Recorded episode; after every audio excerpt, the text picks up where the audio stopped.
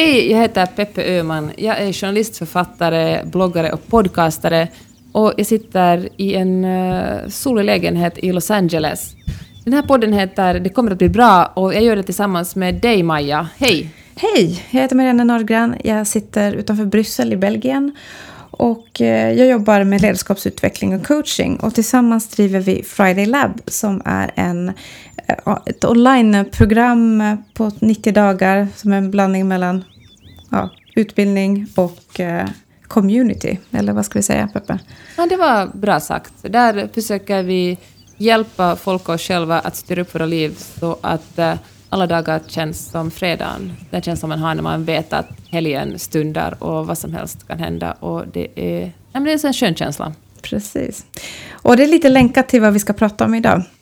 Ja, först vill jag bara säga att nästa kurs börjar den 26 mars. Yes. Så att det är bara att signa upp på den, fridaylab.se.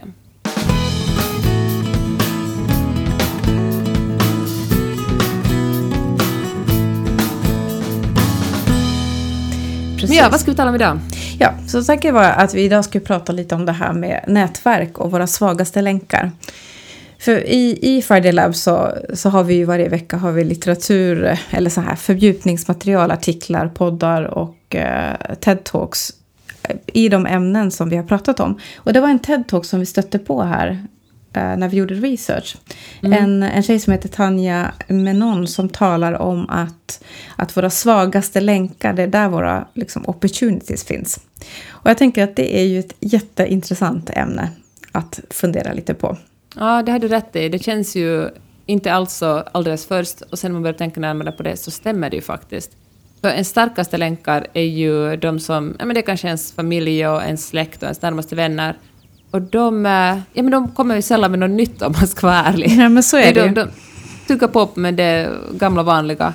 Men de svagaste länkarna, de som man knappt känner, det är de som kan föra in något helt uh, helt nytt i ens liv. Precis. Och jag tänker särskilt i de skeden när man känner att nej, nu måste det hända någonting på någon front. Det kanske är att man känner att, att man behöver byta jobb eller kanske byta inriktning på ens karriär. Eller att man känner att man står och stampar i sin egen utveckling. Så mm. då kan det ju vara läge att, att fundera på att har jag haft någon någon input på sistone av, av, nya människor i mitt liv. Och har man inte det så kanske man kan titta på hur man ska få till det. Du, både du och jag bor ju utomlands kan man säga, eller vi bor på ett annat ställe än där vi växte upp och, och mm. studerar. Hur äh, tycker du det påverkar dig och att du har sett svaga och starka länkar på ett nytt sätt? Men jag tänker att när man, är, när man flyttar till en plats där man inte har ett nätverk så blir man ju väldigt beroende av de människor som man stöter på. Mm. Och jag tycker det starkaste exemplet jag har själv är att när jag flyttade till Schweiz för en väldigt massa år sedan. Då var jag precis eh, nyutexaminerad från Handelshögskolan och jag skulle då söka mitt första jobb. Och jag var då på en marknad där jag inte hade nätverk och jag hade inte heller mm. de lokala språken på någon perfekt nivå. Men jag tänkte att ja, men, på optimist som man är så det här fixar ju sig. Så jag tog kontakt med rekryteringsbolag och så här bemanningsföretag. Och vi, alltså hur flexibel som helst. För jag insåg att jag är ju jag är inte på min hemmamarknad så jag får ju lite jobba mig upp, mm. tänkte jag. Och blev så fruktansvärt besviken när eh, rekryteringsfirma efter rekryteringsfirma kom tillbaka med sina standardsvar att tyvärr, det finns ingenting för din profil i den här regionen. Ingenting. Hur är det möjligt ens? Nej, och då, var jag, ja, men då tänkte jag så här, här är jag då liksom ekonom och jag pratar fyra språk och jag anser mig själv vara ganska socialt sådär okej, okay, klarar mig bra i de flesta situationer. Att hur kan det inte finnas någonting? Och då kändes det lite uppgivet. För flyttlasset hade ju redan gått och jag var på plats så att säga. Och då kom en sån här svag länk in i mitt liv. Och det var så att jag hade min svärmor som hade en brittisk väninna som jobbade på ett läkemedelsföretag i Schweiz. Och hon hon sa att men jag kan försöka se, jag känner HR-direktören här så vi ska se. Så hon fick mig på en intervju på en fabrik, en läkemedelsfabrik. Och jag gick dit och det visade sig att jag kunde inte alls, jag var inte alls kunnig inom det som de hade där på fabriken. Mm. Och där behövdes det ju lokala språket också. Men den lilla gemensamma nämnaren som jag och den här mannen, 50 plus, hade var att han hade bott en tid i Finland, i norra Finland, och älskade Jaha. Finland. Så vi kunde ju prata då om Rovaniemi, alltså jag har ju aldrig varit så långt upp i Finland, men han ville väldigt gärna berätta. Eh, och kände då liksom, så kände han väl att Nej, men det här är en sympatisk tjej, så henne vill jag hjälpa. Så han kontaktade en annan avdelning som visade sig att de behövde faktiskt någon. Och så började jag jobba två dagar efter. På ett temporärt kontrakt förstås, men det var ju det jag behövde. Jag behövde ju bara få min Mm. stortå innanför dörren. Och sen eh, blev jag ju kvar där i flera år. Och trivdes väldigt bra. Det enda som störde mig då fruktansvärt var att, att det företaget som skötte min löneutbetalning sen var en av de här rekryteringsfirmorna som hade sagt att, att det Jaha. finns ingenting för din profil. Nej, är det sant? Ja, det var lite deppigt. Men det här var ett exempel på en svag länk. Eh, att, att, att man liksom får tag i något litet. Och det behöver inte ens vara att en person hjälper. Det kan ju vara en person som man stöter på och får en idé av. Ja. Så berätta någonting som, så det klickar till hos en själv. Ja, det slog mig en, en eh, sak när du pratade om att flytta utomlands och söka jobb. För jag har alltid sett det som att eh, det är svårare att, kom, att flytta utomlands. För jag, känner, jag, brukar, jag brukar faktiskt säga åt folk så här, lite koketterande, att, att jag, allt skulle vara så mycket lättare om vi bodde kvar i Helsingfors. Så då kunde jag jobba med nästan precis vad jag ville. För vi, Helsingfors är så pass litet och vi känner liksom alla varandra där. Så det är bara det är massa kontakter. Jättelätt, man bara ringer ett samtal eller två. Men ändå tror jag att min karriär har gynnats enormt mycket bättre av att flytta till en plats där jag inte alls känner någon. För jag varit tvungen att eh, ta tag i men det som du kallar den svagaste länken. I, de, I folk som jag aldrig annars skulle stött på och aldrig annars ens tänkt på att börja jobba med grejer som de kanske hade att erbjuda. För att jag helt enkelt har varit i en sån situation där eh, man tager vad man haver och det i sin tur har öppnat jättemånga dörrar. Och, eh, och då känner jag att det kanske är så här att om man bor på en, på en plats där, eh, där man rör sig i samma cirklar hela tiden, då måste man helt enkelt kämpa hårdare än om man flyttar utomlands till en ny plats. Men vad, tycker, vad ska man göra då? Säg att liksom, om jag hade blivit kvar i Helsingfors och kände att det fanns något som skavde i mig, men jag kunde liksom inte riktigt sätta- sätta fingret på det. Hur ska man liksom brancha ut i ett ställe där man tycker att eh, man redan har ett ganska ordentligt eh, liksom, nätverk av grenar? Mm. Ja, det hon den här eh, tjejen i den här TED-talken pratar om är att, att vi, vi söker oss till människor som liknar oss själva. Alltså vi gör det jättesnabbt. Eh, som liknar oss själva till eh, både utseende och temperament och social status. Och vi, vi trivs, vi känner oss trygga där vi känner oss hemma så att säga. Eh, och då kan det ju vara ett sätt att kanske utmana sig själv och försöka titta på nyfiket se på människor man möter och tänka att de där som jag tycker känns väldigt ointressanta, tänk om, de, tänk om jag skulle försöka se om de är intressanta om jag visar lite intresse. Eller försöka tänka, ja men om jag se på min eh, bekantskapskrets, är alla mina underbara vänner nästan ekonomer. Nästan uteslutande ekonomer, för de är ju de flesta från studietiden. Men nu när jag har bott eh, här i Belgien så nu har jag fått en massa nya vänner och de är du, ingenjörer och lärare. Och, Herregud. Alltså det är fantastiskt och jag är så glad för det. För att trots att jag älskar mina gamla vänner också så det har gett en sån eh, ja, mångfald i... Alltså jag känner verkligen att det berikas. Jag har fått förståelse av vad statstjänstemän gör. Sånt där som du vet men jag aldrig har stött på. Jag kommer att tänka på en kompis till mig som jag lärde känna just här i LA, en, en svensk ung kvinna som... Ah, jag vet faktiskt inte hur det kommer, kommer sig att vi snubblar över varandra. Jag tror att hon kont- kontaktade mig och så gick vi ut och, eh, och tog en, eh, men, åt lunch och pratade. Och så berättade hon senare att hon brukar, eh, hon brukar göra så här. Hon, hon kontaktar folk som jobbar inom ungefär den branschen hon ville jobba med. Hon, hon var här för att plugga film och, och TV. Och, eh, och så brukar hon, hon sa att ett superbra knep är att mejla folk som är, är framgångsrika inom sin bransch och, va, och smickra dem supermycket. Var sådär, och jag beundrar dig så otroligt mycket och eh, jag vet att du ska ha så mycket att lära mig för du, ja, men du är så otroligt framgångsrik och duktig och en av de bästa i din bransch. Har du tid att ta en lunch eller en kaffe med mig? Alltså det skrev hon inte till mig för jag vet inte om jag är så himla duktig i min bransch. Men, men, eh, men, och hon sa att nästan alltid svarar folk ja för att mickar är en otroligt bra ingång. Och boom, där har man en kontakt. När man träffar någon en gång, då finns man kanske, då finns man liksom mer eller mindre tydligt i deras eh, medvetande och då är det mycket lättare att eh, kontakta den här personen nästa gång, eller att den kanske kommer att tänka på en nästa gång hen anställer någon. Ja, men precis. Men jag tänker att det där kräver ju ganska mycket mod ändå. Men gör det det faktiskt, att slänga iväg ett mejl, ett smickrande mejl? Jag tänker att det är en, en, typisk sån sak som känns otroligt läskig kanske första gången, men sen fan, vad är det värsta som kan hända? Att den här personen nej, säger nej. inte svarar eller, eller säger nej tyvärr hinner jag inte träffa dig.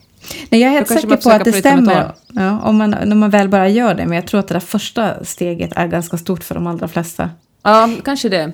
Men jag tänker det är så många saker som, man bara, som är otroligt läskiga först och sen i flera gånger. Jag tänker så här, så här ofta, om man ska, så är det för mig innan, alltså om jag köpte en ny hatt till exempel, mm. nu är det mm. inte så att jag har hatt varje dag, men om jag köpte en ny hatt och jag har inte haft hatt på länge, då känns det som att jag skulle vara, ha klätt ut mig till hipster eller någon form av cowboy när jag går ut på gatan.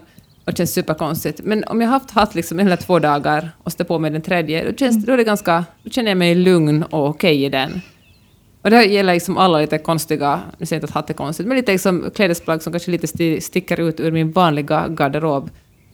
Första gången jag har på dem kan det kännas som om jättekonstigt, men, men ju fler gånger jag har på dem desto mer smälter de in liksom i min identitet. Gud vilket ytligt Nej men vet du vad, det här var jättebra. Det här är, nu kallar vi det här Peppes hattmetafor framöver. hat, hat trick. Hat trick. Det hat trick, ja exakt. Ja, bra. exakt. Den tar vi.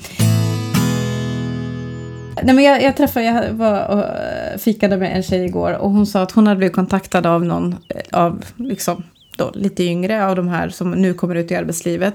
Och just en sån här eh, jättesmickrande som hade varit sådär wow att jag får träffa dig, vilken chans och tack för att du lyssnade.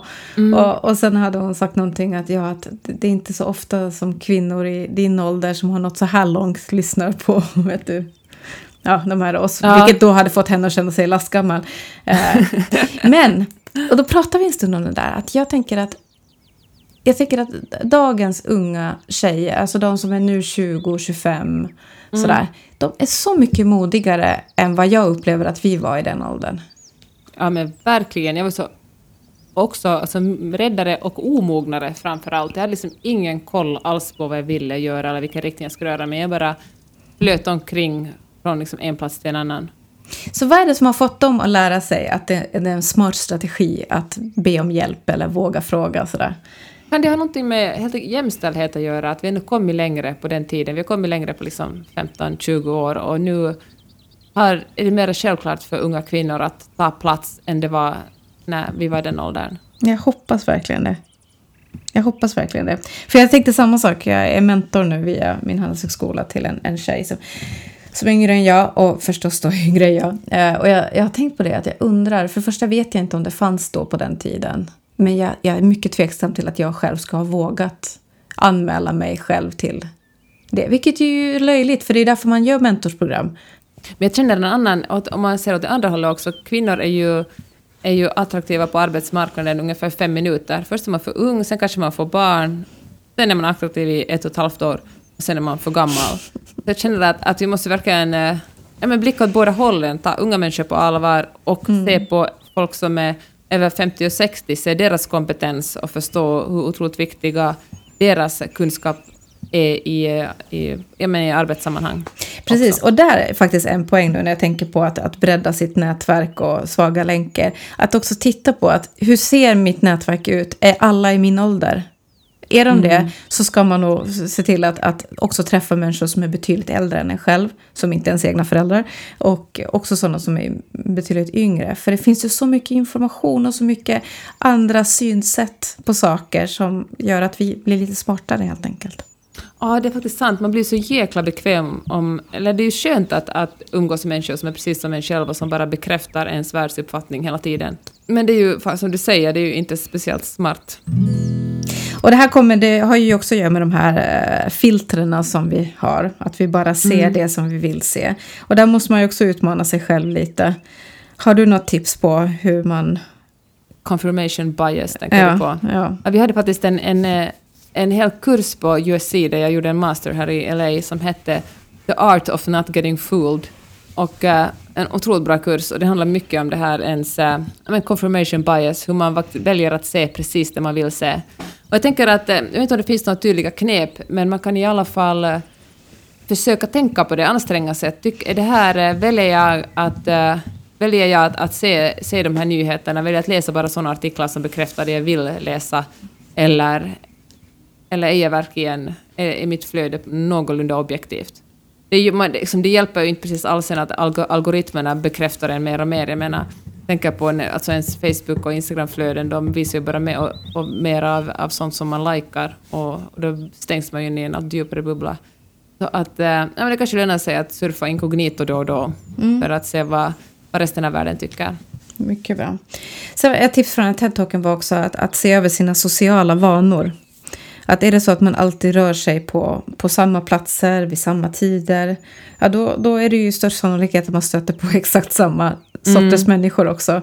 Så där kan man ju titta på att ja, men om jag brukar åka och handla i den här stadsdelen, ja men kanske jag ska åka och handla någon annanstans. Eller kaféjobba ja. på något nytt ställe. Eller istället för att gå på yoga där alla 40-åriga tjejer går så kanske... Um, vad är det man inte gör? Ja, någonting ja. annat. Inte gå på yoga. Det är ditt bästa tips som Nej, men ja. för mig skulle det kanske att gå på, så, vad heter det, crossfit då. För ja. det gör ju inte jag. Hör du, ehm, ja men det är superbra det.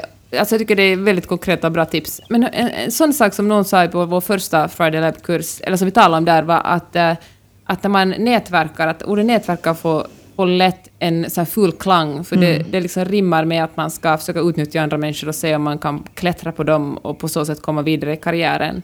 Men för mig hade det fungerat bättre att tänka så här att det är potentiella kompisar, eller verkligen se, inte liksom lura utan bara se folk som potentiella kompisar och, uh, om man, och försöka visa intresse, för de flesta människor är faktiskt trevligare och mer intressanta än vad man tror från början. Mm. Försöka visa ett intresse för dem. Och då är det oftast de människor som kanske några år framåt i tiden kommer att erbjuda en, en, en jobb eller tips om en tjänst eller någonting helt annat. Ta en med ut och rida till exempel. Mm. Faktiskt den här unga kvinnan som jag talade om i början av podden, hon, eh, hon, många år senare blev hon chef för ett eh, stort dramaavdelningen på ett stort TV-bolag och frågade såklart gärna om jag kunde skriva för henne. Mm. Och det var ju, det hade ju verkligen inte minsta tanke på när vi träffades 2014 Exakt. i LA. Nej, jag tror ju på det här med generositet alltså. Att, att om man tycker att det är jobbigt med nätverkande så man kan ju faktiskt gå dit med agendan att tänk om jag kan vara den som hjälper någon närmare något av deras mål. Istället för att mm. tänka på att åh, nu måste jag träffa, eller så här typiskt som jag kanske tänkte när jag började, blev egenföretagare, gick och ut och nätverka här. Där. Men nu måste jag, jag måste lyckas förmedla till folk vad jag gör. Vet du, sprida ordet och mm. vet du, verka professionell. Men om man struntar i det och tänker att nej, men alla människor jag träffar idag, jag ska försöka se om det är någonting jag kan göra för att hjälpa mm. dem på deras väg.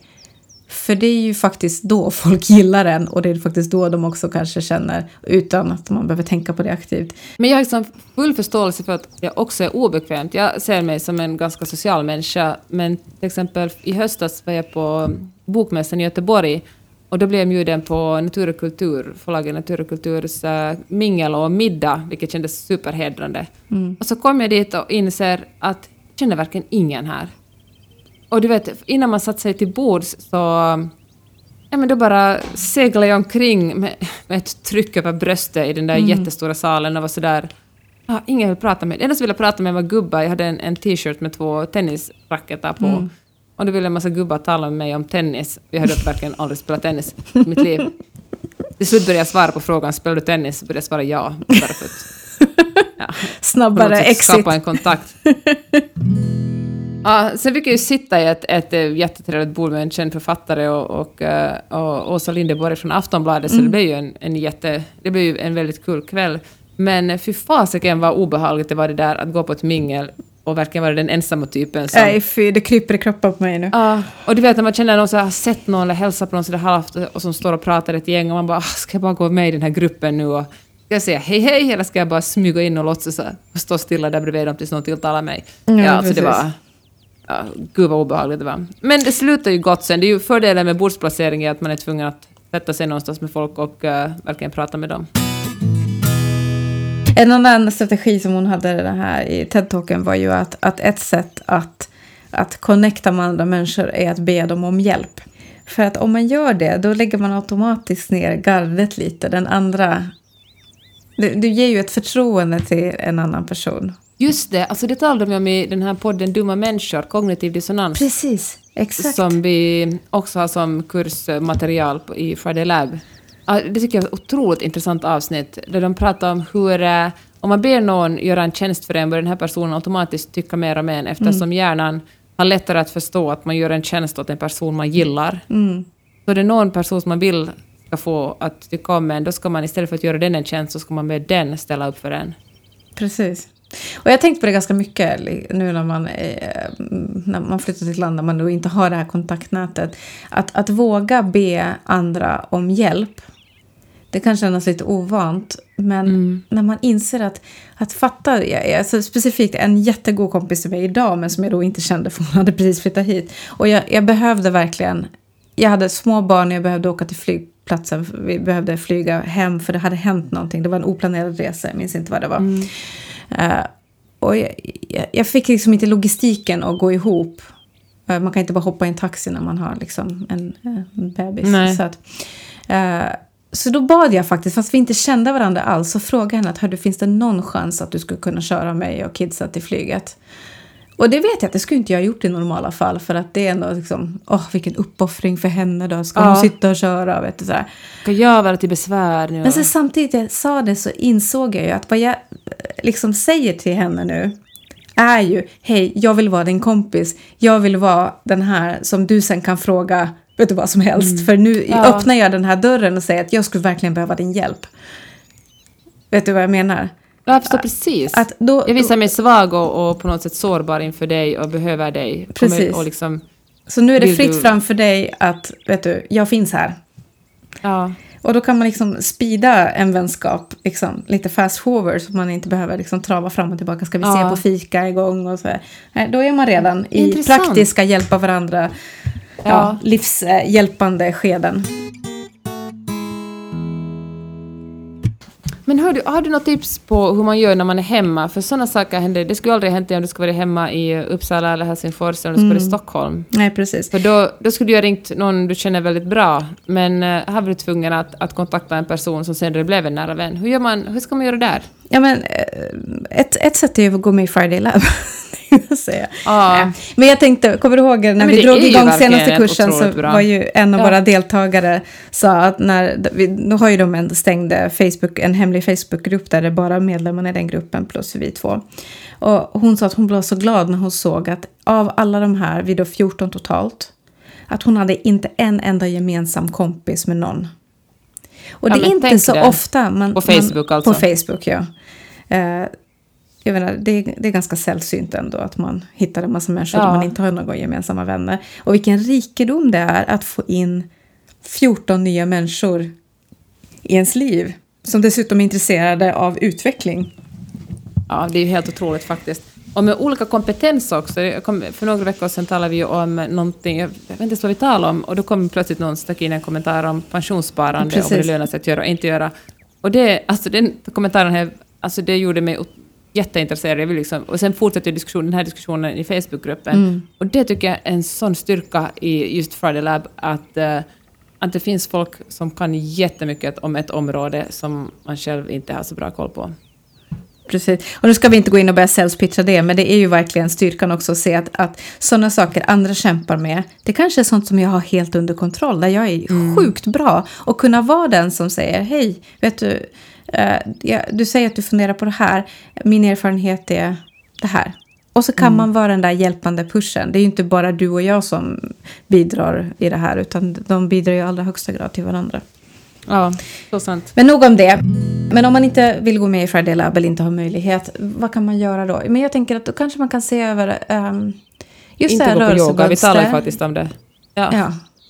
Rörelsemönster, kan jag byta ut någon rutt? Kan jag börja ta en annan buss till jobbet? Eller kanske jag Fast, vågar ja. säga hej till någon på bussen? Eller börja prata med någon förälder vid lämning till eh, skolan om jag Precis. inte brukar göra det? Ja, jag tänker att det svåraste kanske är just de där helt, eh, vad säger man, cold calls, sådana som man verkligen inte alls känner men som man kanske Ja, kanske man sitter på samma buss varje, må varje morgon i några månader har man kanske lättare, lättare att börja tala om den.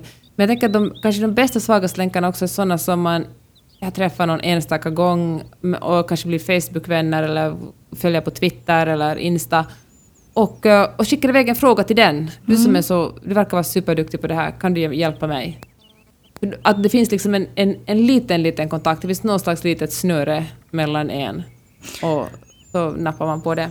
Men så, så tänker jag också att om det är någon som man inte alls känner och som inte alls är ens kontaktnät, då riskerar man ju inte så jättemycket heller.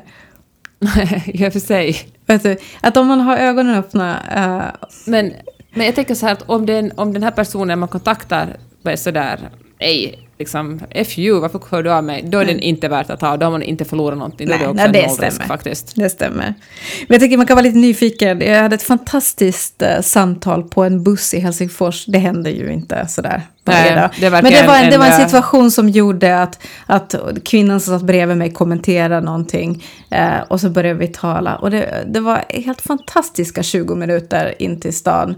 Eh, vi pratade ja. hon liksom berättade om sitt liv. Och vi hade så många gemensamma punkter. Och jag var så glad när jag klev av att vi hade fått ja. till det där samtalet. För har du åkt finsk buss någon gång så vet du att man pratar inte med främlingar. nej, nej.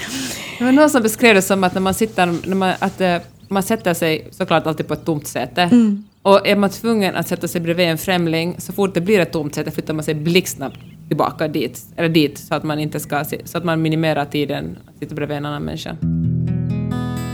Jag hade annars förra veckan också ett sånt här intressant möte. Eh, jag var lånade ut den här micken som jag nu pratar i till en, eh, ja, en kommande podcast som ville spela in ett testavsnitt. Och ja. medan jag satt och väntade, så det var på Svenska kyrkan inne i Bryssel, så var det en, en kvinna där som höll på att baka semlor inför fettisdagen. Och så satte hon sig ner och tog lite paus och vi pratade och det visade sig att hon har pluggat på Handels på 60-talet. Ja. Och det har ju inte jag gjort, jag har ju pluggat i Helsingfors. Men så började vi prata om studietiden. Och det visade sig att det var sådana saker som på 60-talet var exakt samma 2004. Eh, till exempel ja. att, att alla handelshögskolors styrelser träffas en gång i året och roterar på olika högskolor i, i Norden och sådär. Eh, det var så fascinerande samtal och vi pratade om hur många kvinnor de var som gick på Handels årskull 61. Och hur det kändes. Så det var ett så fint samtal. Och då tänkte jag också att gud vad jag är lycklig att jag kan sitta här mitt på dagen. Jag satt ju och jobbade ja. men liksom la ifrån mig datorn och hon satte sig där. Och, och fick det där samtalet och se att vilka fantastiskt fina beröringspunkter det fanns fast det är så stort. 40 år mellan våra studietider. Ja, det är väldigt coolt ändå. Jag tänkte på en annan sak som handlar om min blogg. Jag har bloggat ända sedan 2005. Det är ju otroligt många år vid det här laget. Och uh, på den tiden, när jag började, fanns det inte så hemskt många bloggar. Utan man, uh, man kunde typ räkna dem på två händer.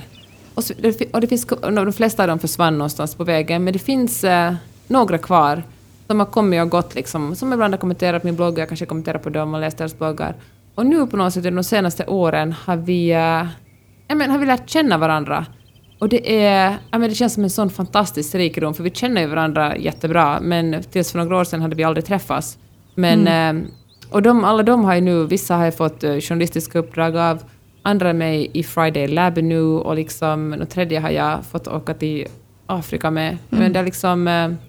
Det har varit en, en kontakt som verkligen började som någonting lite spännande, en dagbok på, på nätet och sen blev det liksom en, en riktig vänskap. Men om vi skulle försöka liksom paketera ihop, vad är det man ska tänka på om man vill känna att man behöver lite mer input i livet? Ja, då känner jag att bor man, bor man i en stad man har bott väldigt länge och känner att man har ett bra kontakt med kontaktnätet, då måste man ska försöka anstränga sig att se förbi det. Vara lite vara lite obekväm och, och, kontakta eller försöka träffa människor som inte vanligtvis, eh, som man inte vanligtvis umgås med. Precis. Och där har man ju världens chans att, att om man ser någon vilsen själ som är nyinflyttad, hugg tag i den. Ja. Alltså, var den där som gör den där största skillnaden. Den där första vänliga människan som är så här, vet du, jag, jag vet hur det funkar här, jag, jag ska presentera det för folk. Och... Verkligen. Så känner jag att om man bor eh, utomlands eller på en annan ort än där man är född och uppvuxen, då har man kanske en större frihet. Jag känner mig liksom modigare i LA än vad jag gjorde i Helsingfors. Jag tänkte att, eh, det är mindre skämmigt att få ett nej här. Ja, men, eh, men jag håller helt med. Jag, jag, har, jag pr- pratar ganska mycket faktiskt med min man om det. Att, att eftersom vi började jobba utanför våra hemländer. Mm. Så det fanns ju ingen prestige. Det var inte som att oh, man måste komma in på rätt nivå och sen ska Nej. man klättra och sen ska man köpa lägenhet i rätt del av stan och sådär. Vi var ju outsiders. Vi var ju på en marknad där vi inte kan omöjligt kan mäta oss med de som redan var där.